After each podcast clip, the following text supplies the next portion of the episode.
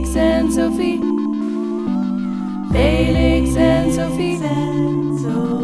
Felix en Sophie. Welkom, je luistert naar de Felix en Sophie podcast. Voordat we beginnen, eerst even dit. Het evenement Het Tijdperk van Immunisering, dat eigenlijk vanavond zou zijn, is verplaatst naar volgende week dinsdag om 8 uur. Vanwege de aangescherpte coronamaatregelen zal deze editie helemaal online plaatsvinden. Je kunt de stream volgen via Zoom, Facebook en YouTube. De linkjes naar Facebook en YouTube kun je in de beschrijving vinden. Daar kun je trouwens ook de twee afgelopen edities terugkijken. Wil je graag meepraten of een vraag kunnen stellen? Ga dan naar onze website felix-n-sophie.nl voor het Zoom-linkje. En dan nu de podcast. In deze aflevering hebben we het over het verschil of juist het gebrek daaraan tussen mens en dier. Muziekwetenschapper en filosoof Marie van Stockholm duikt in de zintuigelijke wereld en belevingswereld van dieren. Veel luisterplezier. Dankjewel Justin voor de uitnodiging. Ik vind het heel leuk om hier te zijn. Ik ben ook heel benieuwd naar Annabels praatje. Ik ga het vandaag uh, hebben over Jacob van Uexküll en zijn theorie van de omwelt. Uh, het woord omwelt uh, heeft meerdere betekenissen. In het Duits betekent het ook gewoon milieu. Dus de, de milieubeweging heet de omweltbeweging. Um, Uexküll bedoelt het woord omwelt op een meer specifieke, eigenzinnige manier vandaag de dag staat hij bekend als de ontdekker van het begrip omweld. Maar hij heeft het ook een beetje zelf verzonnen. En we gaan er naar kijken uh, wat vandaag de dag de waarde is van zijn theorie. Eerst over Uexküll. Um, Uexküll was een bioloog. Um, hij komt uit Estland. Uh, hij maakte daar deel uit van een soort uh, Duitse, ja, forse Duitse minderheid. Die, die is pas vlak voor de Tweede Wereldoorlog teruggegaan naar Duitsland. Um, ja, hij was van adel. Um, hij heeft nooit um, zijn doctoraat gedaan of zo. hij heeft nooit les gegeven. Maar hij heeft wel heel veel boeken geschreven. Um, en nou ja, in Estland kun je vandaag de dag ook biosemiotiek studeren. Semiotiek, uh, dus leer van de betekenis van de tekens. Het Griekse woord sema betekent teken. Uxkul schrijft ook over teken, insecten. Um, we gaan het vandaag niet over teken hebben, uh, maar wel over andere dieren.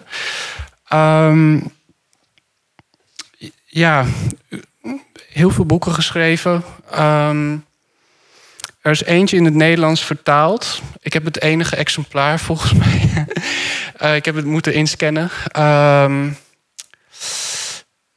uh, dit zijn voor mij zijn drie belangrijkste werken. Theoretische biologie, uh, theoretische biologie, dat gaat meer over ja, grondslagen van de biologie. Uxco was heel veel bezig met het, ja, het, het proberen te vinden van eigen, een eigen fundament, theoretisch fundament voor de biologie.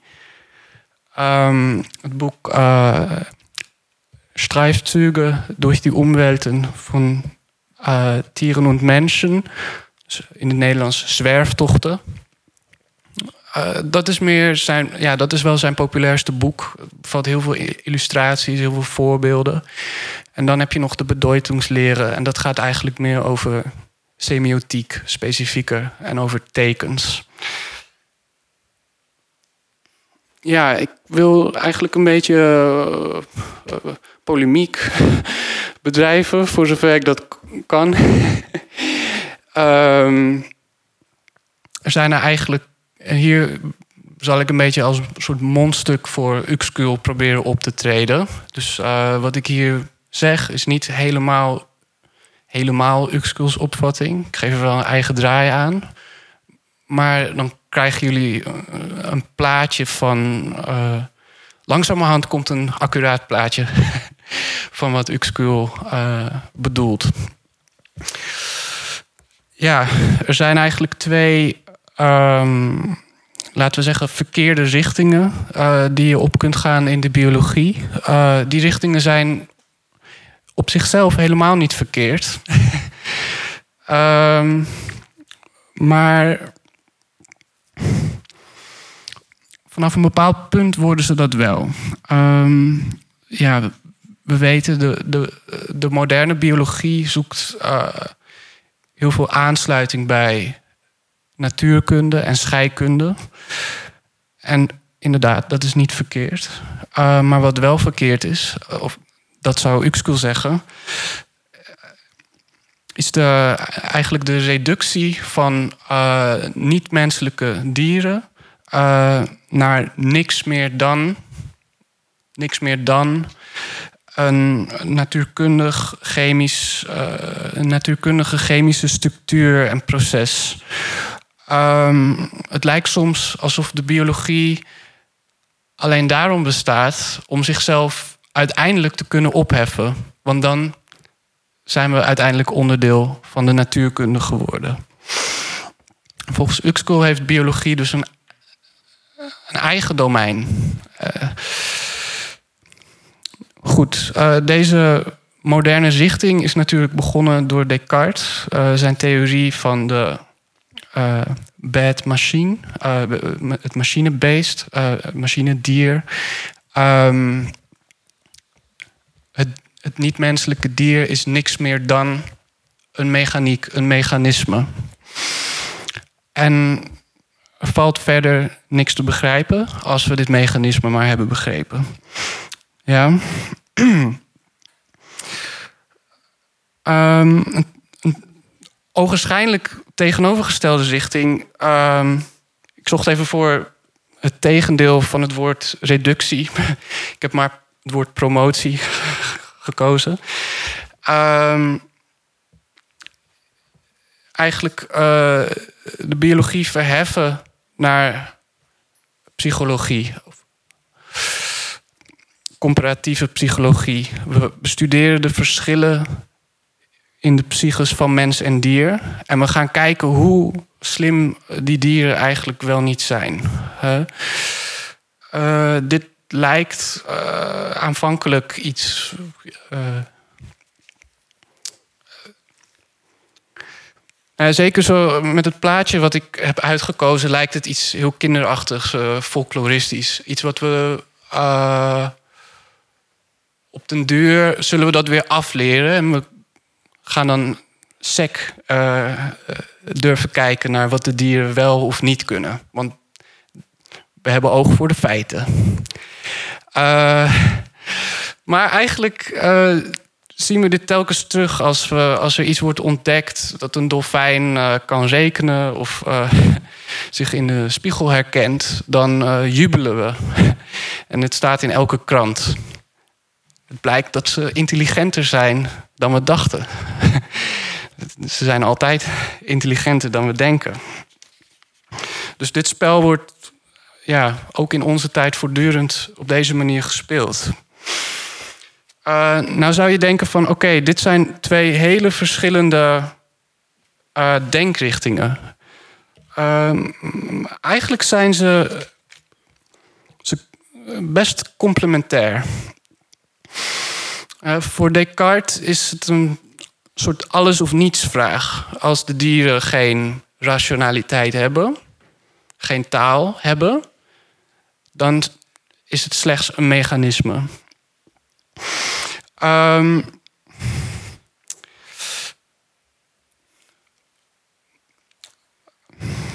en aan de andere kant wordt dan gezegd: uh, bekijk het wat anders. Dus, uh, het glas is niet half leeg, het is half vol. Ze kunnen heus wel wat. Ze zijn misschien niet rationeel zoals wij dat zijn, maar ze zijn zeker wel best slim. Ze zijn er nog niet. Ze zijn nog niet op ons niveau, maar ze komen al een heel eind. En we zien eigenlijk in de, met name ook in de vroege evolutietheorie, dat beide denkrichtingen die ik net noemde heel erg samengingen. Dus aan de ene kant is er een reductieslag, omdat vooral met met name sinds Darwin hebben we eindelijk dat mechanisme gevonden. Uh, natural selection.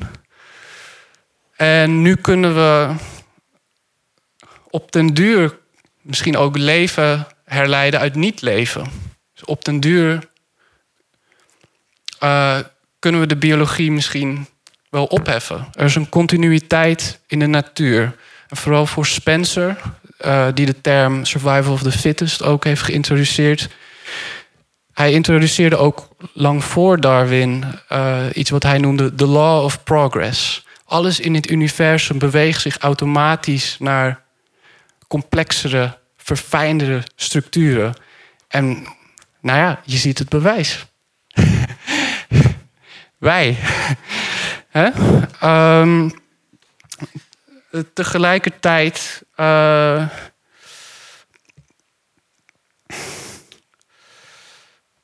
wordt er heel, eh, ook Darwin vooral eh, schrijft heel erg lovend over de intelligentie van dieren. En alle, alle verschillen moeten eigenlijk een soort verschil worden in degrees. Want hoe is de mens dan ooit aan de taal gekomen? Er moet toch wel iets soortgelijks zijn. Hè? Dat is op zich geen onjuiste denkwijze, vind ik. Uh, dus wel. um, maar um, hier zit ook een, eigenlijk een, een moment van waardering in de evolutie verloopt van primitief naar complex, van laag naar hoog. En Uxkul schrijft dan um, in reactie hierop dat de biologie een, een compleet eigen fundament nodig heeft. Dus geen reductie, geen promotie. En de kern van zijn theorie is, hier het citaat, alle werkelijkheid is subjectieve verschijning. Dit moet het grote funderende inzicht ook van de biologie worden. Nou, wat is hier het woordje ook? dus waar gaat dit over? dus waar verwijst hij naar? Oké, ik ga proberen uit te leggen. Hij verwijst eigenlijk naar Kant. Uh, ik wil nog iets meer zeggen over Uxkels polemiek met de evolutie uh, met ja, de vroege evolutiebiologie. Um, ik ga. Sorry, ik, ik, citaten staan er. Het wordt een soort gezamtkunstwerk. ik ga ze niet voorlezen, helaas. Want anders, eh, anders ga ik over mijn tijd heen en dat, dat wil ik. Gaat sowieso gebeuren, maar. ik, ik, bekijk het. Als je wil, mag je het bekijken. um, Weet je, ik ga de tweede helft voorlezen, dus na die, na die puntje, puntje, puntje. Uxkul schrijft: Een organisme is niet slechter of beter aangepast, aangepast aan zijn omwelt, want alle organismen zijn in hun omwelten op volkomen wijze ingepast, eingepast. Oké. Okay. Hoe moeten we dit voorstellen? Uxkul zegt, de evolutiebiologie maakt dieren tot een, een product van een mechanisme. Voor Spencer, the law of progress. Voor Darwin, natuurlijke selectie. Uxkul zegt, het dier is geen object, is geen product van uh, fysieke werkingen. Geen object, maar een subject.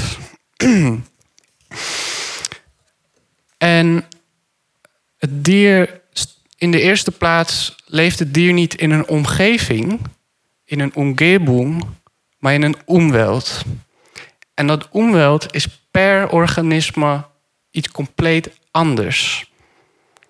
Want het organisme maakt de omweld zelf. Hij is dus ook perfect aangepast.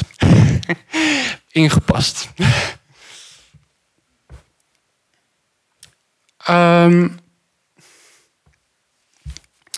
de inspiratie hiervoor uh, komt van Kant. Ik moest deze postzegel een beetje eh, bewerken. Want er stond eerst heel groot Deutsch, uh, Deutsches Reich op. dat, wilde ik niet. ja, ik kan nu geen college geven over Kant. Maar ja, misschien is het een beetje bekend bij iedereen of bij veel mensen. Uh, ik zal de hoofdlijnen kort herhalen. Kant zegt: We hebben geen kennis van dingen aan zich, een objectieve werkelijkheid buiten de menselijke waarneming. Kant schrijft niet over dieren, uh, of niet op deze manier. Um, het, het, begin van Kants betoog in de kritiek der reine Vernunft gaat over ruimte en tijd. Dit heet de transcendentale esthetica. En Kant schrijft hier ruimte en tijd. Probeer wat je wil, je gaat nooit de objectiviteit daarvan, of de, de objectiviteit buiten de waarneming daarvan kunnen bewijzen. We nemen altijd al dingen waar in ruimte en tijd. We kunnen er niet omheen. Dit is een subjectieve, algemene natuurwet. Het is altijd geldig. Maar het is een wet die we niet kunnen bewijzen. Dit leggen wij op aan de wereld. Um, nou goed, er is nog een ander deel, onderdeel van Kants uh, doctrine die ik hier wil noemen. Namelijk dat eigenlijk de fenomenen in ruimte en tijd... die worden geordend door het verstand, verstand. Um, en het, belangrijke is... Um, in mijn discussie later dat voor, Kant het verstand eigenlijk uh, spontaniteit heeft. Spontaniteit is een actief vermogen en zintuigelijkheid receptief. Hier komen dingen binnen. Wat dat is, niet de dingen aan zich. Maar goed. Um, wat doet Uxkul? Uxkul schrijft... Het is de opdracht van de biologie om de resultaten van Kants onderzoek in twee richtingen uit te breiden. Door ten eerste de rol van het lichaam en in het bijzonder de zintuigen en het centrale zenuwstelsel, oftewel het brein, uh, mee te nemen in onze beschouwingen. En ten tweede de relaties van andere subjecten, de dieren, tot objecten te onderzoeken. Ja, eh, dit vind ik heel interessant. Uh, maar het is op een bepaalde manier uh, wringt het met hoe Kant eigenlijk zijn transcendentaal filosofie bedoeld heeft. Ten eerste het, het subject dat dus de wereld actief vormgeeft, is voor Kant uh, niet gelijk te stellen aan een lichaam of een, een brein of een ziel zelfs een spookziel. Dit zouden allemaal objecten zijn. Het subject is niet een object. En ten tweede um, zijn de zintuigen voor Kant receptief. Alleen het verstand ordent de zintuigelijke data op een actieve, spontane manier. Oké, dus hoe komt Uxkul op dit idee? um, het strookt niet uh, helemaal met elkaar. En ik wil daarom een stukje geschiedenis uitleggen van eigenlijk 19e eeuwse biologie in Duitsland.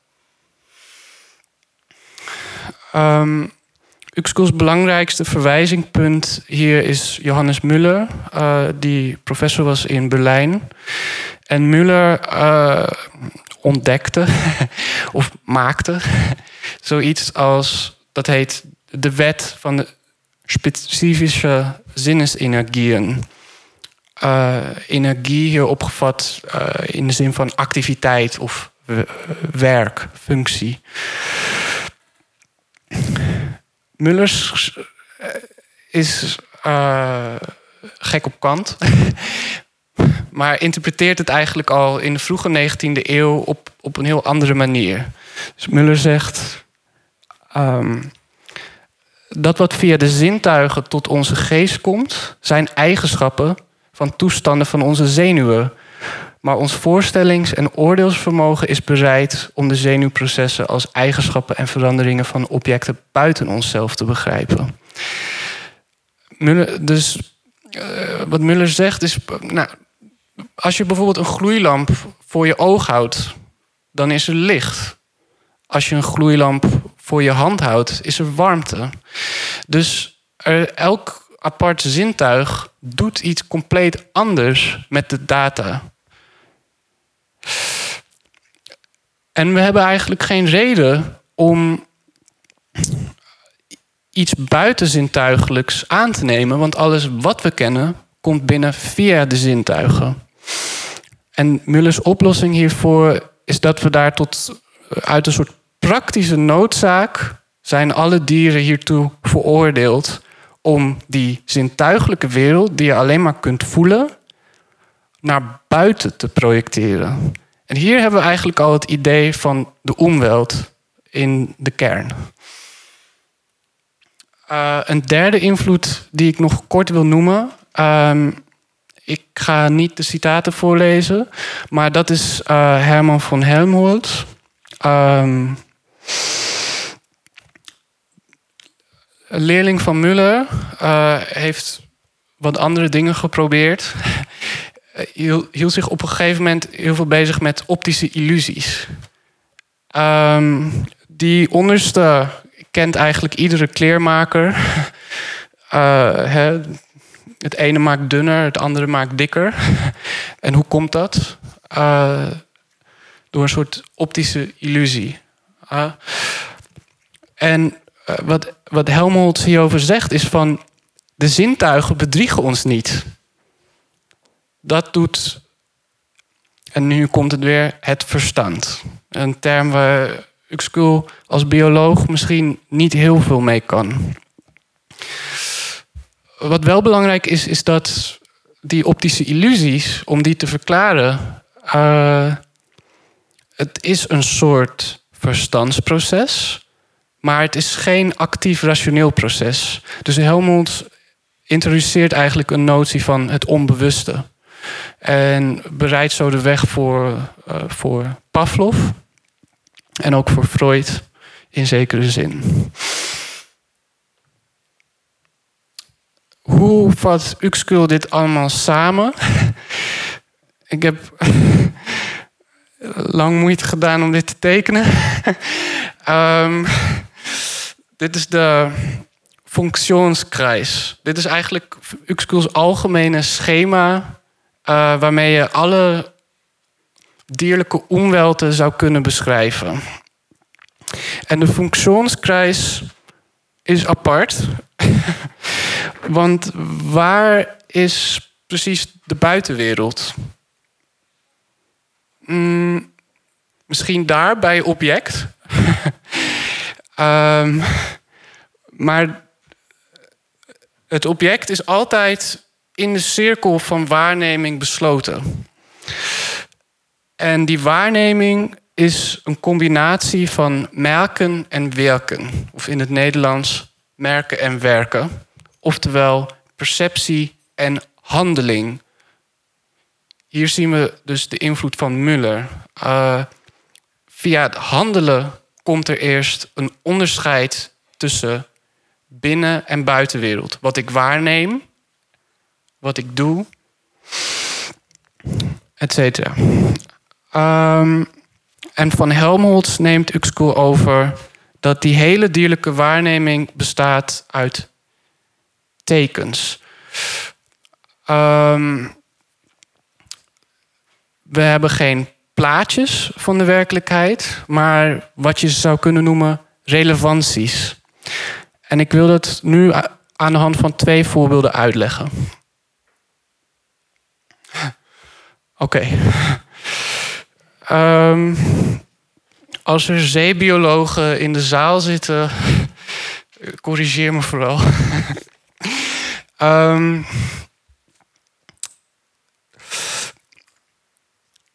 de Jacobsmantel. Uh, nou ja, uh, Jacob van Uxkul, de Jacobsmantel. Uh, Uxkul had veel heeft ook een boek geschreven specifiek over zeedieren in 1905. En was daar een soort expert in. En hij vindt de omwelten van zeedieren eigenlijk heel interessant. Omdat ze anders zijn dan die van landdieren. Ehm, dit voorbeeld gaat eigenlijk over het verschil tussen. het gaat eigenlijk over eh, wat is relevant in de waarneming. Wij zien eh, de zeester, eh, aparte vorm, aan ieder kind bekend. en wat Uxkel zegt, de Jacobsmantel ziet helemaal niet de zeester. Dus dat daar rechtsboven, dat is de omgebung, oftewel de onze omweld.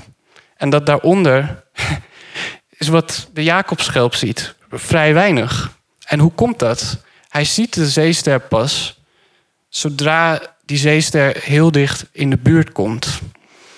Uh, zoals je ziet op dat plaatje onder.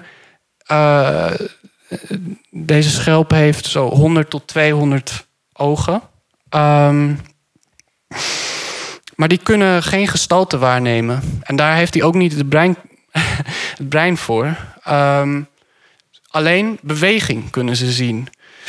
Dus de zeester gaat bewegen. En dan komen de geur, ruik, tentakels naar buiten. En op dat moment klapt de schelp dicht, waardoor hij het water beweegt en zichzelf uh, wegstuwt van de vijand. Tweede voorbeeld. Um, ja, dit plaatje is hoe het hoort eigenlijk.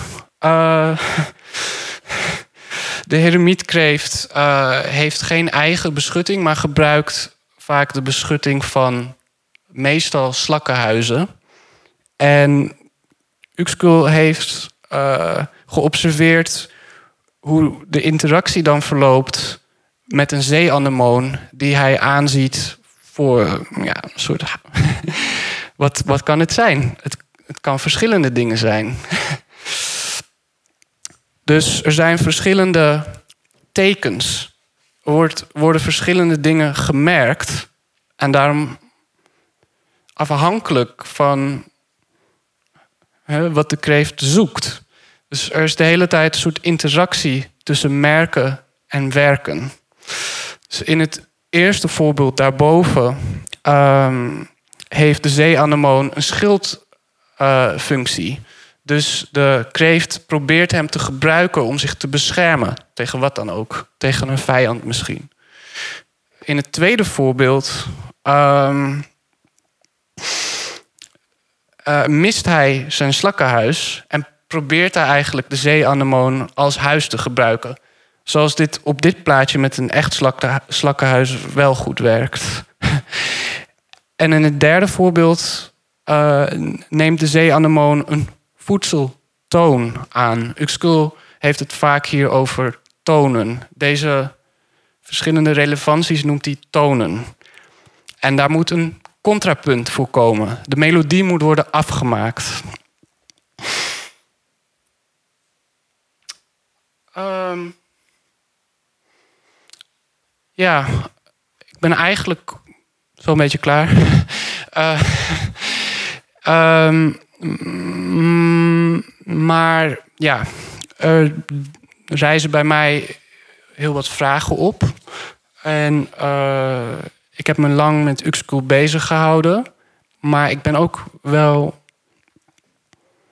um, enigszins kritisch. Of ik, nou, ik vind aspecten van zijn theorie ook problematisch. En het is hoofdzakelijk problematisch op twee manieren. um, ten eerste vanuit eigenlijk Kant en de transcendentaal filosofie kunnen we vragen. Um, nou, Kant ontdekt die a priori's van de waarneming ruimte en tijd, de categorieën. Um, maar dat doet hij niet door psychologie te bedrijven. Dat doet hij niet door biologie te bedrijven. Dus um, als je dit doet, levert dit wel een soort transcendentale kennis op van een subject dat de waarnemingswereld mogelijk maakt. En diezelfde vraag kun je vervolgens ook stellen vanuit de biologie. Dus is het wel mogelijk in de biologie om dieren te bestuderen als subjecten? We bedrijven toch wetenschap? We zijn objectief. We kennen de objecten, de echte objectieve processen. En verwant hiermee dan tot slot, uh, wat is die omweld? is het niet gewoon een proces wat in de zenuwen van die schelp en, en zintuigen van die schelp zich afspeelt? En dat proces maakt onderdeel uit van de omgeving, van de natuurlijke wereld, de objectieve natuur. Nou, ik heb nu eigenlijk twee keer dezelfde vraag gesteld, maar net iets anders. Oké, dat was het.